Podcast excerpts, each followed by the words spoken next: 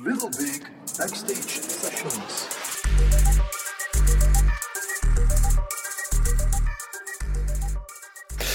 Welkom, eh, beste luisteraars, in podcast nummer 7 van Little Big and Partners. We zitten hier in onze gezellige audiostudio. En als ik zeg we, dan heb ik het over. Tom en Hans. Inderdaad. Welkom. Eh, het is al even geleden dat we nog een podcast opgenomen hebben. De laatste was eh, in de kerstvakantie, denk ik. Er is heel veel gebeurd. Ondertussen zijn we maart. Dus bijna drie maanden na datum. Hans, wat is er gebeurd in die periode? Eh, we hebben ongeveer 30 minuten, dus ik ga een, een selectie maken uit een aantal, eh, een aantal momenten uit het verleden, die ehm, eigenlijk, als ik het samenvat, vooral rond, rond de verhalen gedraaid hebben, eigenlijk bijna altijd. Ik heb eh, heel veel zeer leuke workshops mogen doen rond ehm, communicatie en storytelling. En wat daar altijd weer opvalt, en misschien is dat een interessant thema voor de podcast van vandaag, is de kracht van verhalen. En ehm, waar heb ik dat aan, gevoeld? Ja, tijdens de workshops natuurlijk, omdat het, dat je dan ook een verhaal vertelt en je laat mensen verhalen vertellen. Je laat ze ook veel oefeningen doen, waar dat we er misschien straks ook wel een paar is in eh, de ring zullen werpen, zodat dat je er als luisteraar ook mee aan de slag kan. Ehm, ja, dat is eigenlijk een beetje het, het eh, gros geweest van, van de voorbije drie maanden stories. En dan natuurlijk ook stories beleven. hè. Ik heb, eh, ben een beetje rond gaan reizen. Ik heb al in Rome gezeten. Ik heb in Frankrijk gezeten. Ik heb in Zwitserland gezeten. En gestaan en gewandeld. Ja, en telkens ja, ook weer heel veel indrukken opgedaan. Mensen ontmoet. ehm, en ook dat leidt weer tot, tot heel eh, rijke ervaringen. En vooral ook weer leuke metaforen. En als we het hebben over verhalen, hebben we het vaak over metaforen, met andere woorden, beelden die we gaan oproepen en waar elke luisteraar mee aan de slag kan, op de manier die hem of haar het beste dient in de omstandigheden. En hoe zag jouw eerste kwartaal van deze maand of dit jaar eruit? Lekker druk eigenlijk. Dus eh, ja, best wel eh, ook redelijk veel rond storytelling bezig geweest. Eh, een aantal heel leuke workshops, een aantal heel fijne gesprekken ook gehad. Interessante babbels met mensen, een aantal eh, gesprekken kunnen modereren. Met zeer leuke babbels en inzichten tot gevolg. Maar ook stories als een beetje de rode draad daardoor gaan. Heel veel pitching ook gedaan, maar daar hebben we in podcast nummer drie of vier, ik wil er even vanaf zijn, Ja. hebben we het al gehad over, over pitchen eh, als specifieke manier om verhalen te vertellen. Maar Mhm. verhalen vertellen eh, is eigenlijk hetgeen wij ook doen als mensen ons vragen voor een keynote te doen. Ja. Is een aaneenschakeling van verhalen die mensen dan bestempelen als leuk, inspirerend. en uiteindelijk wat we dan doen, zijn verhaaltjes vertellen. Klopt. En, en wij hoeven dat zelfs niet alleen te doen. Ik herinner mij op eh, 18 februari hebben we hier in de studio een, een breinpiratenavond gehad. Dus eh, een, een, clubje. Enfin, het is geen clubje, het is zo'n avond waar mensen samenkomen. En ehm, ik had niks voorbereid. We waren met eh, een zevental eh, aanwezigen. En er was iemand die op een bepaald ogenblik zei, nadat we een kwartiertje gechit-chat hadden, van ja, misschien moeten we ons eens aan elkaar voorstellen. Het was toen ongeveer acht uur, denk ik. Ehm, en de eerste persoon is zich beginnen voorstellen, maar met een verhaal. En de tweede heeft daarop ingepikt, ook met een verhaal. En de derde is ook een verhaal beginnen te vertellen. En tegen het, dat het half twaalf was, is de zevende aan haar verhaal kunnen beginnen. Maar dat was zo inspirerend. Het ging onder meer, een van de zaken eh, ging over een ehm, V1-bom die destijds aan het eind van de Tweede Wereldoorlog door de Duitsers op de haven van Antwerpen afgevuurd is. Maar die is een minuut te lang blijven vliegen. En die is hier in de buurt van, van waar ik woon, eh, in Kalken, neergekomen. Daarbij zijn twee kinderen om het leven gekomen. En een van de mensen die op die avond aanwezig was, die is gepassioneerd door opgravingen, door geschiedenis, door wat er in de oorlogen gebeurd is. En die heeft dat dus, die heeft de resten gevonden. En die is daar helemaal beginnen in opgaan, heeft die mensen opgezocht en een heel mooi verhaal rondgebouwd. En de, de bottomline, ik vroeg mij toen ook af, zo van, verdorie, hoe vaak ben ik al in mijn leven dat ik ergens naartoe wil, maar dat ik eigenlijk te lang blijf doordrammen of gaan. En hoeveel leed of plezier heb ik daar al door? hoeveel kindjes heb je al? Uh, voilà, bijvoorbeeld. Ja, dus, ja, ja, ja, Maar dat, dat was zo mooi, um, omdat het meteen ook de kracht van een verhaal toont. Hè. En, en dat, dat groeide heel spontaan. Mensen waren er niet bezig met, ik moet hier een verhaal vertellen om een, een, iets neer te zetten. Het ging heel organisch. En, en dat is ook leuk. Hè. En als je dat een beetje trekt naar een grotere schaal, ja, onze maatschappij is gefueld, krijgt benzine door verhalen. Ja. Het is één grote metafoor waarin we leven. Bij zo'n spreken een grote illusie, bijna. de Matrix is ook wel ergens vandaan gekomen als, uh, als concept. Hè? Het is, uh, uh, maar misschien moeten we, moeten we, voordat we daarin duiken, mhm. eerst even kijken, wat is eigenlijk een verhaal? Dus wat, wat maakt dat, dat iets een verhaal is? Nu, de, de oorsprong van verhalen is heel moeilijk te achterhalen. We hebben altijd verhalen verteld, heel de geschiedenis door. Uh, en vaak is dat begonnen met beelden. Een beeldspraak is niet toevallig het woord beeldspraak. Uh, waar we merken dat verhalen, als je verhalen vertelt, dat je bij mensen het visuele triggert. En mensen zien iets voor hen als je een verhaal vertelt. En de, de oudste verhalen die we teruggevonden hebben, zijn eigenlijk de, de grotschilderingen uh, van, de, van de oermensen nog in, uh, in Frankrijk, zijn de, de oudste tot nu toe teruggevonden. Uh, en dan heb je de Egyptenaren die eigenlijk ook in beelden spraken en hun teksten met hieroglyphen waren eigenlijk beelden. om op die manier ook verhalen te gaan overbrengen. Dus een goed verhaal triggert een, een visueel gebeuren in de hersenen en een visueel iets wordt in de hersenen veel sneller verwerkt en gaat veel meer emotie oproepen dan dat je puur dat woordelijke gaat gebruiken. Nu, het rare daaraan is dat een verhaal wel woordelijk iets puur auditief is. Dus je zou denken van dat wordt dan door de hersen puur auditief verwerkt. En dat is niet zo. Ja, het wordt zo gehoord, maar het triggert ook visuele zaken. Dus heel vaak zie je dat als je verhalen begint te vertellen, dat mensen daar iets bij zien en iets bij voelen. En dan is het een goed verhaal. Klopt. Er is zelfs een theorie die stelt dat het talencentrum in onze hersenen, wat uiteindelijk maar een heel klein stukje is, ergens vooraan, eh, links of rechts, afhankelijk van, van wie je bent, eh, dat, dat dat eigenlijk ontwikkeld is om juist verhalen die vroeger in beelden weergegeven werden op rotschilderingen en, en, en andere, om daar dus ook kracht aan te geven en dat te kunnen overbrengen op een, een, een woordelijke manier. Ehm, en, en dat we daardoor verder ook onze taal ontwikkeld hebben met eigenlijk als hoofddoel kennis en verhalen en ideeën overbrengen. Ja. Maar verhalen hebben we hebben altijd doorverteld. Hè. De, de hele geschiedenis hangt aan elkaar met verhalen geschiedenis aan zich, of geschiedschrijving, zoals ze dat dan zo chic noemen, is eigenlijk een reeks verhalen die verteld worden. Ja. Uh, het is nu toevallig dat er heel veel historische films zijn, want het materiaal leent zich perfect om er een film van te maken. Het is veel moeilijker om een toekomstverhaal te bedenken dan een geschiedkundig verhaal uit te beelden. Uh, en daar kan dan ook wel wat dichterlijke vrijheid in genomen worden om een en ander toch wel Hollywoodiaans uh, aan te vullen. Maar verhalen hebben heel de geschiedenis doorverteld. Soms gewoon als, uh, als animatie aan het kampvuur, verhalen vertellen. soms heroïs over hoe groot de mammoet wel niet was en hoe meer dat je, dat noemen ze dan vissersverhalen, hoe, hoe meer dat het verhaal verteld wordt, hoe groter de vis werd. En, ja, en telkens was, je een verhaal vertelt, herschrijf je het ook een beetje. Hè? Ja. ja, en telkens iemand anders het verhaal doorvertelt, wordt het nog eens herschreven. En op het einde van de rit was het, uh, was het geen eekhoorn die je geschoten hebt, maar inderdaad de mammoet. En uh, was hij geen geen meter en half, maar was je twee meter groot en heb je dan met je blote handen de mammoet gewurgd. En, Terwijl dat je er eigenlijk met een, eh, een geweer naar een eekhoorn aan het schieten was. Wat je niet moet doen voor de mensen thuis, niet naar eekhoorns schieten met geweren.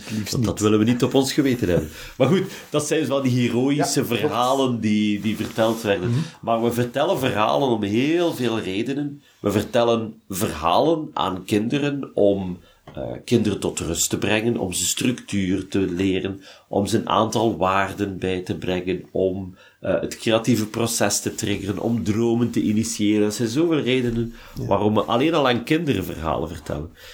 en ergens in onze, in onze evolutie zijn we precies dat niet meer beginnen toelaten dat we dat als volwassenen doen. Van, als je tegen volwassenen zegt, kan je ze een verhaaltje vertellen. Dat is precies toch niet aanvaard. En toch doen we het keer op keer. Hetgeen wat wij nu aan het doen zijn, eh, toen ik daarnet vroeg van, wat is er de voorbije maanden gebeurd? Dan heb jij een verhaaltje verteld.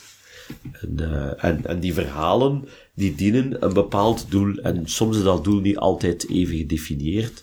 Maar elk verhaal heeft op zich wel een doel. Al was het maar ontspannen. We hebben ook verhalen verteld om, uh, om, om kennis over te dragen. We hebben verhalen verteld om dingen bevattelijk te maken. We hebben verhalen verteld om waarden mee te geven. En vandaar dat je daarnet ook zei van eigenlijk heel onze maatschappij hangt aan elkaar aan van verhalen. En dat klopt ook als je kijkt naar wat is het meest doorvertelde verhaal. Dat zijn religieuze verhalen. Ja, en die bepalen verdomd heel veel van wat er op, uh, op onze planeet gebeurt. Hè. Uh, ja. Of nu de Bijbel is, of de Koran, of uh, andere geschriften. Ja, maakt of, eigenlijk niet uit. Ja, het zijn verhalen. Met alle respect voor iedereen die de verhalen gelooft. Ja, en dat, dat is op zich allemaal een persoonlijke keuze. En iedereen heeft daar de vrijheid in en moet daar de vrijheid in hebben om die verhalen tot zich te nemen. En daar de conclusies uit te trekken die die voor hen valabel vindt. Als sommige mensen zeggen, ik geloof wat daar staat woordelijk dat dat ooit zo gebeurd is, dan is dat oké. Okay. En als iemand zegt, ik geloof dat daar een, een diepere betekenis achter zit, dan is dat oké. Okay. En als iemand zegt, dat is gewoon verhaaltjes om bij het kampvuur te vertellen, dan is dat ook oké. Okay. Is ook oké. En op ja. zich is uh, elke ja. interpretatie van die verhalen is, uh, is op zich oké. Ja. Uh, en dat is de kracht van, van die verhalen, dat ze, ook al is de tekst voor iedereen hetzelfde, de individuele invulling van wat dat voor een persoon wil zeggen. Je kan één verhaal aan honderd mensen zeggen en uh, elke keer een, een andere interpretatie daarvan ja. krijgen. En dat is iets heel interessants wat hij daar aanbrengt, omdat, en dat is iets wat ik ook geleerd heb door daar in de voorbije jaren mee bezig te zijn, dat is dat je een verhaal gerust zijn, zijn leven mag laten leiden. Ehm, heel vaak hoor je, zeker bij kinderen, van je vertelt een verhaal en dan, en wat is nu de moraal van het verhaal? En dan gaan mensen beginnen uit te leggen wat er eigenlijk in het verhaal gebeurd is. Dus precies alsof je een mop moet gaan uitleggen. Ehm, ik, vroeger deed ik dat ook wel vaker. Je vertelt iets en dan brei je daar nog een stukje aan, terwijl dat, dat eigenlijk totaal niet hoeft. Je laat gewoon de mensen dat zelf invullen. Je kijkt en, en, en je observeert wat er gebeurt. Um, trouwens, over observeren gesproken, het doet mij denken aan iets wat ik in de voorbije workshops ook gedaan heb. Dus als je een, een verhaal vertelt, ja, dan, dan zit je met een publiek. Um, en soms is dat een communicatie die je, die je opstart rond een verhaal. En het is iets wat de luisteraars ook eens kunnen proberen met een collega op het werk of, of thuis. En dus je gaat tegenover iemand zitten, je begint met een verhaaltje te vertellen en je vraagt aan die persoon om gewoon recht in jouw ogen te kijken. Dus met de pupillen absoluut niet te bewegen. En je begint iets te vertellen en die persoon luistert. En dan begin je een paar vragen te stellen. Begin met eenvoudige vragen waar het antwoord eigenlijk heel voor de hand ligt. En dan zal het antwoord nog komen zonder de minste oogbeweging. Maar naarmate dat je, dat je verder gaat, stel je ook vragen van en, en hoe heb jij dat dan aangevoeld? En wanneer was dat voor jou ooit zo? En dan ga je zien dat meestal binnen de kortste keren die ogen ook alle richtingen uitschieten. En wat gebeurt er eigenlijk als ik een verhaal vertel of een metafoor? Dan gaan mensen op zoek naar betekenis. En dus met die, met die oogbewegingen zijn, wat die eigenlijk tonen, is dat mensen op zoek gaan naar ofwel betekenis, ofwel een invulling of een ervaring. Uh, wat daar dan nog leuk is, uh, maar ik denk dat we dat in vorige podcast ook al eens aangehaald hebben, dat als je dan linksboven kijkt, normaal gezien, dan, dan zoek je betekenis in je eigen ervaringen. Rechtsboven zoek je betekenis, creëer je betekenis. Uh, linksonder gaat het meer over een emotionele, interne verbinding. Dat is ook wel leuk als je een verhaal vertelt om te kijken hoe mensen daarop reageren. Maar het, het leuke ervan is dat, dat iedereen die luistert, is op zoek naar een eigen betekenis. En ik vind dat proces op zich maakt ook de kracht van het verhaal. Dat je, je vertelt gewoon en je laat mensen zelf de invulling geven wat dat voor hen betekent of net niet betekent. Ja, En die, die invulling is, uh, de, een van de, de, de verhaaltypes is de metafoor. Dat is juist de bedoeling om die invulling bij het individu te laten. En dan mag je vooral niet in de val trappen om ja. de moraal van het verhaal nog eens toe te lichten. Laat dat proces bij de mensen gebeuren. En het kan zijn, als je dat in een presentatie doet, dat de helft van uw zaal zegt van, wat is dit voor raar verhaal? En dat de andere helft een aha-moment heeft. Klopt. En dat is allemaal oké. En je laat dat gewoon gebeuren. En dan moet je niet zeggen, voor de mensen die het niet gesnapt hebben, want dan ga je helemaal nog eens... Uh, één, je hebt het niet gesnapt, dus je bent dom. En twee, ik zal het dan nog maar eens uitleggen. Ja. Uh, dat is ook een emotie die je niet wil oproepen. Uh, maar dat is de kracht van, van die, die metaforen. En wat je gaat merken als je met die oogbewegingen merkt, werkt, dat het gros van de mensen is visueel ingesteld. En gaat daardoor zijn ogen naar boven doen. Mm En dan, dan weet je van, oké, het verhaal komt binnen en er wordt iets mee gedaan. Ja. Wat daarmee gedaan wordt, dat moet je loslaten. Dat je niet alles kunt sturen, dat moet je gewoon loslaten en uh, het ding laten zijn wat het is. En het is, voor sommigen is het dan een verhaal dat ze fantastisch vonden, of, of emotioneel vonden, of zich oncomfortabel bij voelden. Maar het is een verhaal, en voor anderen is het maar een verhaal. Ja. En dat zijn de twee invullingen die je daarin kan hebben. En jij bent de verhalenverteller of maar de verhalenverteller. Ja. En bijvoorbeeld als je kijkt naar de, de, een van de meest gekende verhalencycli zijn van de gebroeders Grimm. En die vertelden heel rauwe, lugubere verhalen. Als je kijkt naar de oorsprong van heel veel van die verhalen, dat zijn, dat zijn zeer uh, bijna horrorverhalen. Als je nu dat verfilmt, uh, dan, dan, dan kun je daar heel makkelijk een horrorfilm van maken. Zie je toevallig dat in het Engels woord voor uh, een, een, een donker verhaal, dat is een grim story. Grim, ja. Het Nederlands ook een grimmig. Een grimmig verhaal, ja, dat, dat ja. komt uh, waarschijnlijk van, ik ben geen etymoloog, dus ik kan me daar niet aan wagen, maar ik vermoed dat het daar wel mee te maken heeft. En als je kijkt naar, in de Verenigde Staten hebben ze er zelfs een reeks rondgemaakt, de, de Grim. Uh, over een hele reeks van die verhalen geïnspireerd op de gebroeders Grimm. En de reden waarom dat ze dat op zo'n harde manier vertelden, is om mensen wakker te schudden en ervoor te zorgen dat ze bepaalde handelingen niet deden. Als je kijkt naar het verhaal van Roodkapje, dat is, dat is op zich een, een heel erg verhaal. We vertellen dat nu aan kindjes bij het slapen gaan. We gaan nog eens het verhaaltje van Roodkapje vertellen. Maar uiteindelijk, Roodkapje is een klein meisje dat helemaal alleen naar het bos moet om haar grootmoeder te gaan bezoeken, die helemaal alleen ver weg woont. Want blijkbaar deed men vroeger dat. Uh, nu, nu, zou dat uh, niet meer kunnen. oude mensen stikt die gewoon in een bos. Uh, maar toen ging dat kleine meisje daar helemaal alleen naartoe. En toen gebeurden er heel erge dingen in dat bos. En er was een wolf. En die at die oma op. En die at dan een rood kapje op. En die vermomde zich dan als de oma. En dan kwam er een jager en die sneed die buik open en haalt die mensen daar weer uit. En, en stikt er dan stenen in de plaats en naait dat dicht. En dan uh, die, die wolf die zwalpt naar buiten en die verdrinkt in de vijver. Ja. En hij is dood. Tjaka. Einde verhaal. En nu moeten die kinderen slapen. Ja. Dat is... Uh, ik weet niet of dat de bedoeling is. Ja, wel, ja, die gaan in elk geval niet meer alleen een bos in. Uh, nee. Het is trouwens een... Uh, en dat, dat, ja, dat is ook de bedoeling waarom dat ze juist die verhalen vertellen. Want als je tegen... Je moet je voorstellen dat je tegen een kind zegt, wat je ook doet, ga niet alleen het bos in. Ja. En je draait je rug. Waar is dat kind naartoe? Alleen het bos in. Alleen het bos in, voilà. Klopt. Terwijl als je dat als een metafoor vertelt, want dat zijn al die, die grimverhalen, zijn metaforen... En mensen vullen dat zelf in.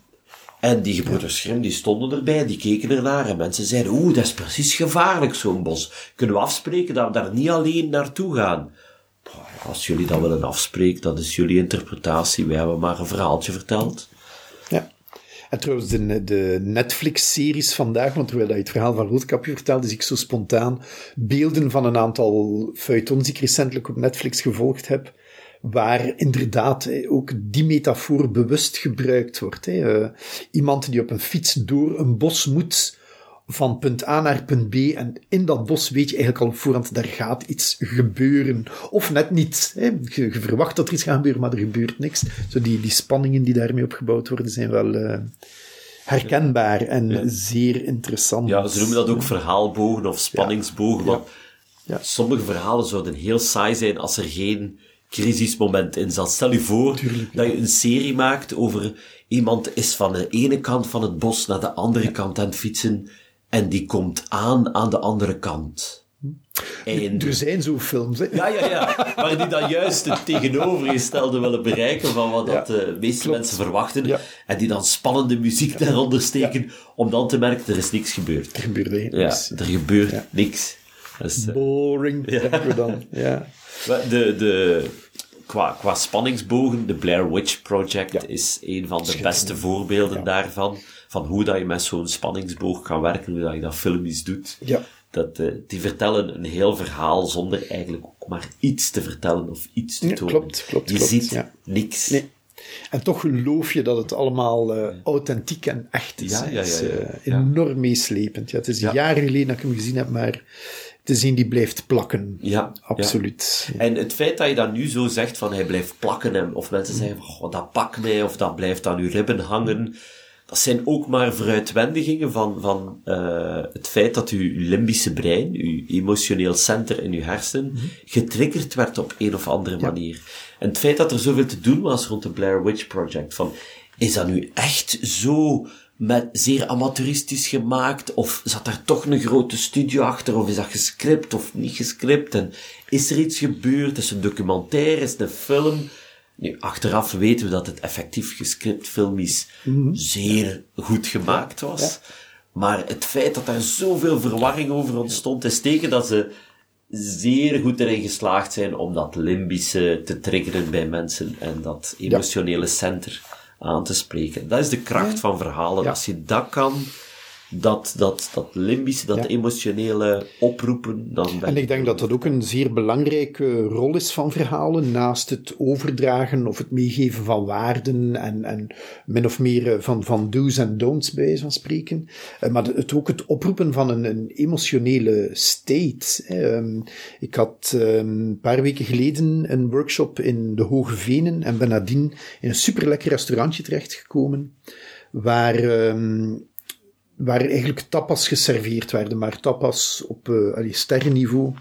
En een van de, de laatste schoteltjes die ik bestelde was een, een entrecote. Veel meer stond daar niet bij, met, met ja, nog wat. Um, en dan wordt dat in één keer opgediend en dan krijg ik zo een, een soort, ik denk een, niet echt een zeepsteen, maar een soort arduin gekapt um, barbecue'tje met een klein roostertje van 15 op 4 centimeter. Met daarin houtskooltjes die nog wel liggen smeulen.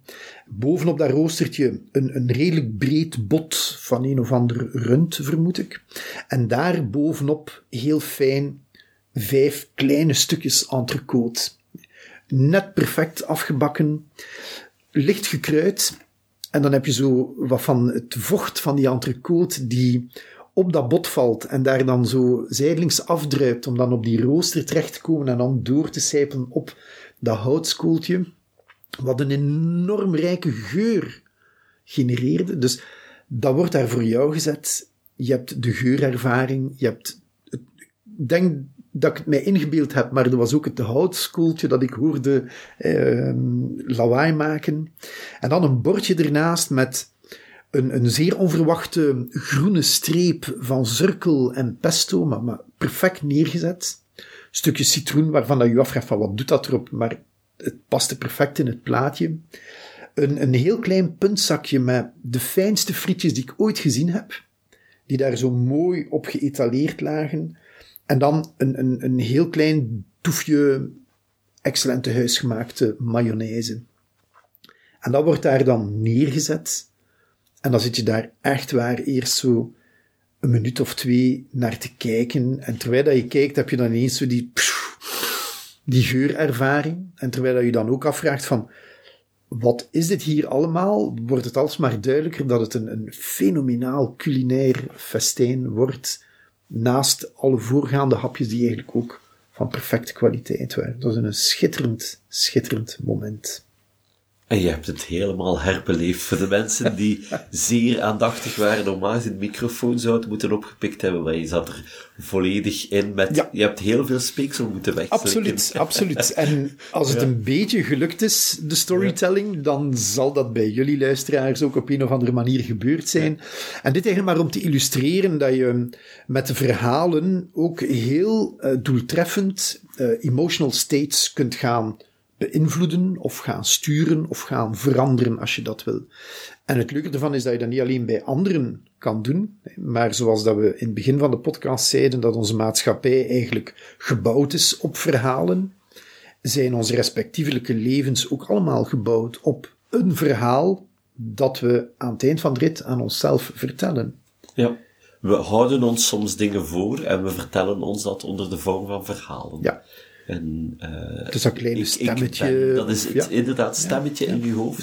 Ik doe heel vaak de oefening van, eh, ja, heel kort van, over self-talk. Wie praat tegen zichzelf? Steek even uw hand omhoog. En meestal is er ongeveer 70, 80 procent van de zaal die zijn hand omhoog steekt. en dan zeg ik voor de andere mensen die nu hun hand niet opgestoken hebben, je zit u waarschijnlijk af te vragen, praat ik in mijzelf?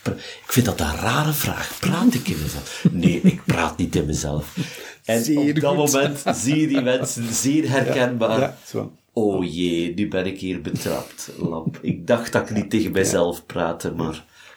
En het feit dat ze die interne dialoog hebben, die iedereen heeft, Ja. is dat intern stemmetje dat je heel de tijd ook dingen influistert en je verhalen vertelt. Van, eh, zowel positief, je kan dit, kom aan, doorzetten, eh, maar ook negatief. Het gaat toch nooit lukken.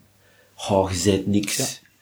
En dat is zo jammer dat je dat stemmetje op dat moment hebt, want het haalt je naar beneden. Ja.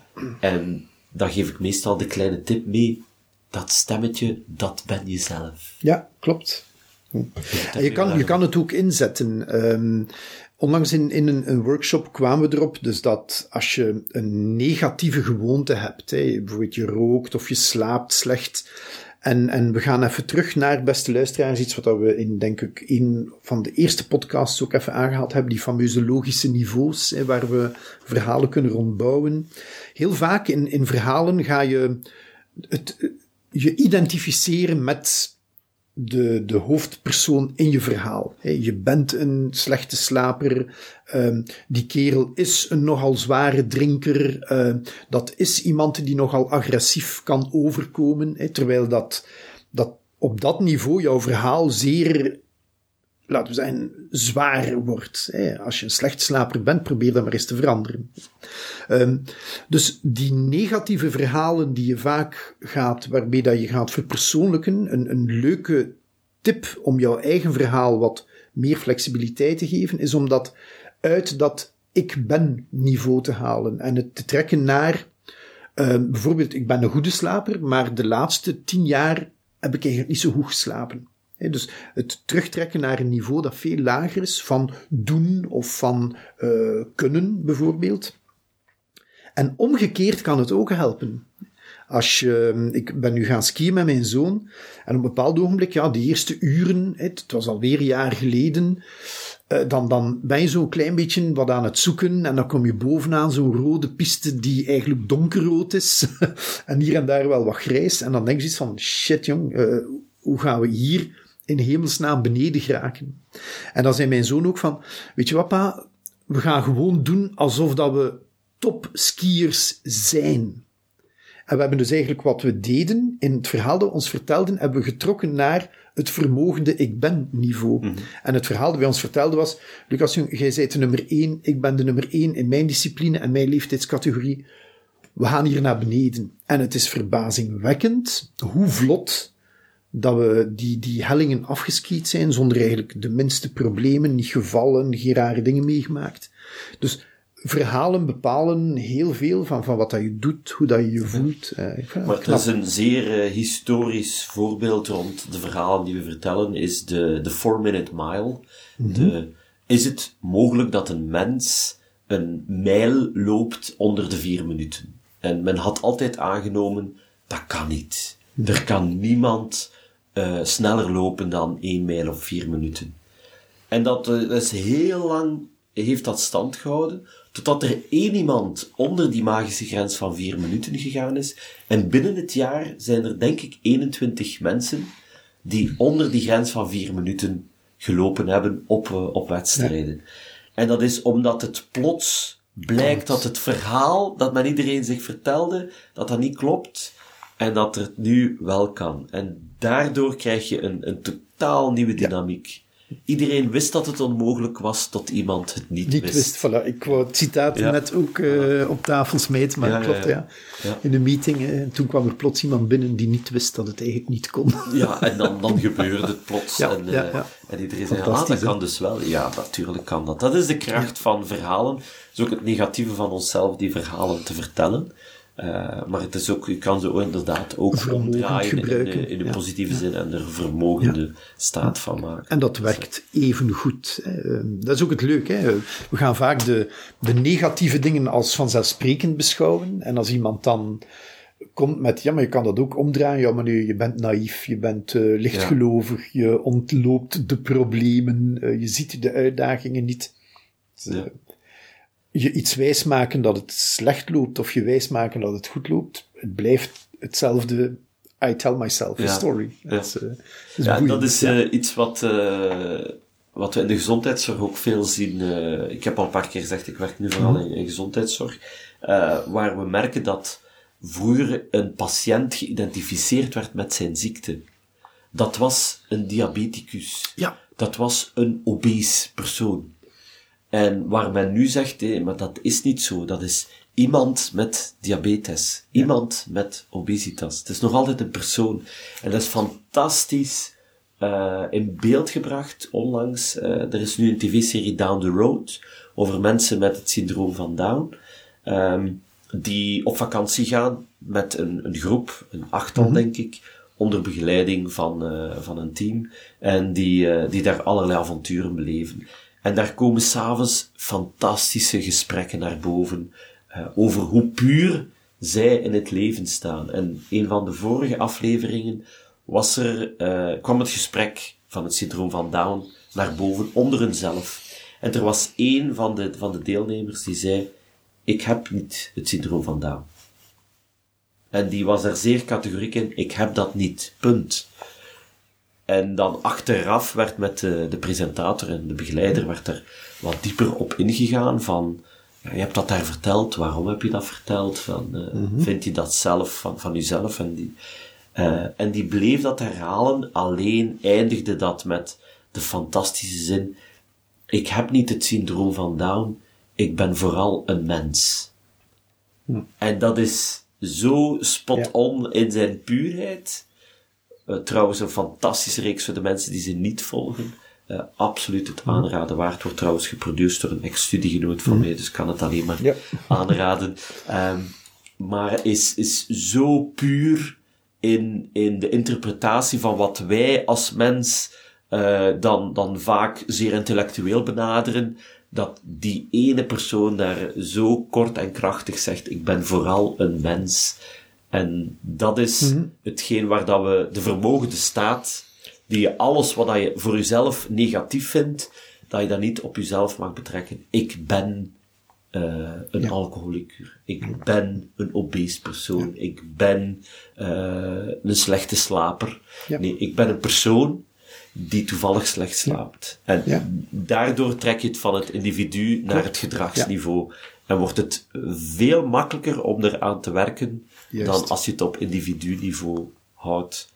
En ja, dat, klopt. Ja. En, en die verhalen, ik ben nu heel toevallig ook uh, met, met een paar boeken bezig rond hypnose. En daar worden ook heel veel metaforen gebruikt. En een van de meest gekende, uh, laten we zeggen, of redenen waarom hypnose gebruikt wordt, is, is het stoppen met roken. En uh, die kerel in dat boek heet Freddie Jacquin, een redelijk gereputeerde hypnotherapeut. Um, die samen met zijn zoon Anthony een paar leuke boeken geschreven heeft. En die zegt ook van ja, de, de mensen hoor je dan zeggen van ja, ik, ik kan niet stoppen met roken. Ik ben verslaafd aan nicotine. En dan bouwt hij op een bepaald ogenblik um, de metafoor op, zegt ja, ik ben niet verslaafd aan nicotine. Hè, want um, de meeste rokers die slapen zes tot acht uur per nacht, vrij rustig. En die worden niet wakker badend in het angstzweet van ik heb hier een nicotineshot nodig. Uh, en hij, hij, hij somt zo'n aantal zaken op die hij dan vergelijkt met het verhaal van een heroïneverslaafde. Die inderdaad zou moorden, zich prostitueren, stelen om aan die heroïne te komen. Terwijl een roker, ja, als die echt geen geld meer heeft, die zal daar misschien nerveus van worden, maar die gaat daar geen sociaal onaanvaardbare dingen voor gaan doen. En de moraal is van, zegt hij, eigenlijk het verhaal dat, we, dat, dat de overheid, dat de tabaksindustrie vertelt, is van, je bent verslaafd aan nicotine. Want ze hebben er ook wel belang bij dat die, heel die industrie niet vandaag op morgen op zijn gat valt. Maar je bent eigenlijk niet verslaafd aan nicotine. Je hebt gewoon een gewoonte geleerd. En als je jezelf een verhaal vertelt van eigenlijk is dit niet meer dan een slechte gewoonte, of een goede gewoonte, daar ga ik geen oordeel over vellen, waar dat ik al dan niet van af wil, ja, het is makkelijker om van een gewoonte af te geraken dan van een verslaving. Ja. En ook daar weer de kracht van het verhaal, van het verhaal dat je jezelf vertelt, maar ook de verhalen die je al dan niet voor waar aanneemt, en de kritische houding achter elk verhaal waarvan je denkt, hmm, interessant, van wat is de intentie die daarachter zit? Wat wil de verhalenverteller nu eigenlijk uh, bereiken daarmee? En, en vandaar toch ook een beetje alert voor te zijn, zonder paranoia te krijgen, uh, Ja. maar toch, toch alert te zijn Ja. en kritisch. Ja. Ja, dat doet er mij trouwens aan denken. Toen ik eh, heel jong was, had ik een leraar die ook wou stoppen met roken. En die, eh, die puur het gedrag mimikte, maar met andere zaken. Dus eh, eigenlijk had hij, wou die vooral iets bezig zijn met zijn hand. En, eh, Ja. en toen hadden we een krijtbord en die zat heel de tijd krijt te roken. Ja, ja. Eh, waarschijnlijk is zijn calciumniveau in zijn lichaam door het dak gegaan, maar... eh, Hij is daar kortelings nadien overleden. en- Nee, zo erg was het niet. Zo erg was het niet. Maar ik denk dat hij toch redelijk Ja. wat kalk heeft binnengenomen door krijt Maf, te roken. Maar hij, hij nam geen sigaretten meer. ja, Hij had nog altijd dezelfde gewoonte, alleen was het ongewenste gedrag vervangen door een ander gedrag dat, eh, dat hij stelde door, door aan krijt te zitten eh, hè. roken. Ja. Dat is eh, zeer bizar om te zien. weer een interessant verhaal. Hè. Voilà. Ik rook krijt, Alles. ja, Ik want ik heb krijt. eigenlijk geen nicotine nodig, ik heb Ja. geen sigaretten nodig, ik heb gewoon iets nodig in mijn hand, of ik Ja. denk het. Ja. ja. En er zijn zoveel dingen die je kan vasthouden. Absoluut. Absoluut. En een uh, dienst meer. Maar goed. Dat brengt ons bij het einde van deze podcast alweer. Ja. De tijd vliegt wanneer je Ja, fun ja. hebt. Ehm, het ging over verhalen vandaag. Wat gaan we als opdracht, beste luisteraar, aan jullie meegeven? Haha, wat zouden we als opdracht meegeven? Misschien een heel leuke oefening om eens te doen gedurende de volgende week, is om gewoon te observeren welke verhalen mensen vertellen en welk doel dat dient. Vertellen ze verhalen om iets te beschrijven? Vertellen ze verhalen om u te overtuigen? Vertellen ze misschien verhalen om zichzelf te overtuigen en zichzelf een goed gevoel te geven? Geen waardeoordeel, gewoon observeren en kijken van waarom vertellen ze die verhalen? Wat zit daar precies achter? Wat is de, de positieve intentie, zoals we dat dan vaak noemen, die achter zo'n verhaal zit? Schitterend. En gewoon observeren. Ja. En misschien ga je een trend merken bij sommige mensen, misschien ook niet, en dat is allemaal oké. Dat is allemaal oké, ja. En een andere iets wat, eh, wat, wat jullie ook mogen doen in de komende weken is natuurlijk onze website bezoeken, www.littlebig.partners, onze Facebookpagina, LinkedIn. ehm, en dan vooral ook deze podcast zoveel en zo vaak als je kan delen ehm, en, en op de hoogte blijven van wat we doen. En onthouden dat als je eens een keynote nodig hebt of een, een zeer leuke communicatietraining, dat je altijd bij ons terecht kan voor een geanimeerde sessie van alles tussen een half uur en een week. Eh, it all works. En vol met verhalen. Absoluut. Hartelijk dank om erbij geweest te zijn en tot een volgende. Dag! Doei! Little Big Backstage Sessions. Thank you for listening